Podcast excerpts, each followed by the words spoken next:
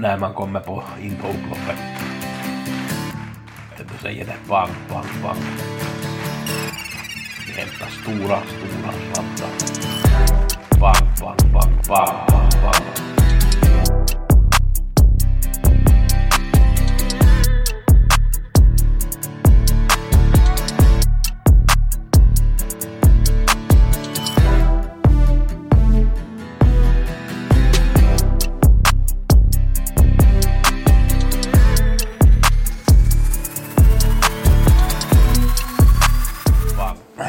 Veckopodden med Gusse. Vi går igenom förra veckan. Den här veckan, det är söndag idag när jag gör den här podden. Vi tar lite om nästa vecka som kommer att komma. Den blir ganska kort den här podden. Jag har inget lopp som jag går igenom för att jag har jag kommer att vara borta lite här början av, mitten av nästa vecka så att det blir endast V75-tipsen nästa vecka. Jag återkommer till dem mot mitten, slutet av veckan när jag vet det här, vet det här närmare spexen för de här tipsen. Eh, om vi går igenom förra veckan så börjar vi ju på V64 på tisdag det var Bergsåker, 6 rätt gav 1870 kronor 23 på femman och jackpot på fyran. Jag hade som bästa spik nummer 7 Etel och den vann trots galopp 14 procent. Jag tycker att det var helt ofattbart att den var så lite spelad och annars hade jag nog många skrällar som var bland de här tre bästa på tisdagen så att det var helt okej okay, de här tipsen, synd bara på utdelningen. Eh, Onsdag så hade jag sex tipsettor. Jag hade inte tipsettor på den största favoriten i första.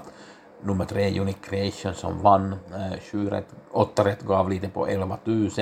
124 på sjuan och 15 kronor på sexan. Eh, om man nu får ta någon av de här bra idéerna så Kalle Tacksam i sista som var spelat på 4 procent så så var etta och, och uh, Kalle Tacksam hade jag etta och Findom Benefit hade jag tvåa och de var båda två i A-gruppen och de var etta och tvåa i mål. Samma sak var det i andra loppet, Merkenori som var spelat till 25 procent och Vincent CD 10 procent så hade jag etta och tvåa i ranken. Det var synd att det inte kom någon smäll, då skulle jag gett bra på åtta rätt och det var, jag vet att det är många som skulle ha fått med någon skräll i åtta rätt i det här på onsdagen så att men vi tar det på lördag istället när vi går och kollar på framåt.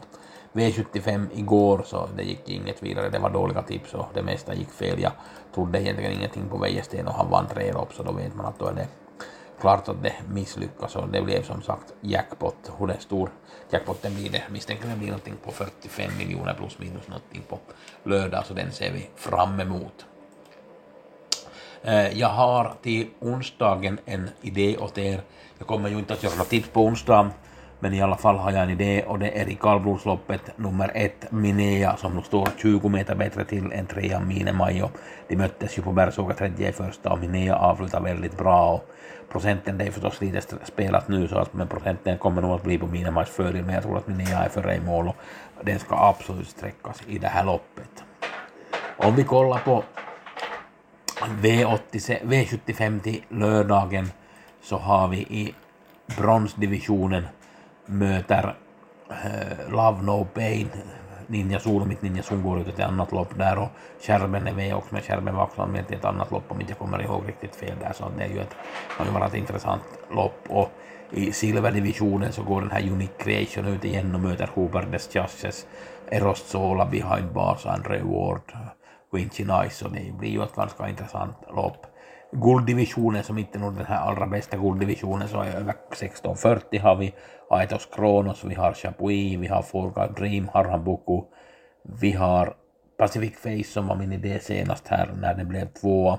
Då är det kort distans, det är ju nog minus för hästen, men hästen är nog i bra form så det kan ju vara att den kan klara sig i ett sånt här lopp. Det är nog ett intressant lopp. Och det som jag nog ser fram emot kanske mest så är det här Eh, storloppet där vi har Feline Burgerheide som står på start där och kommer säkert att få ett bra, bra, bra löp och kanske ta spetsen där och så är det ju det är både Love och Ninja Zon som är på tillägg där så det är ju svårt att veta vilket lopp de går ut i. Precious Lane på 20 meter tillägg där också och Sanni Belle där också så det här är ju ett intressant lopp.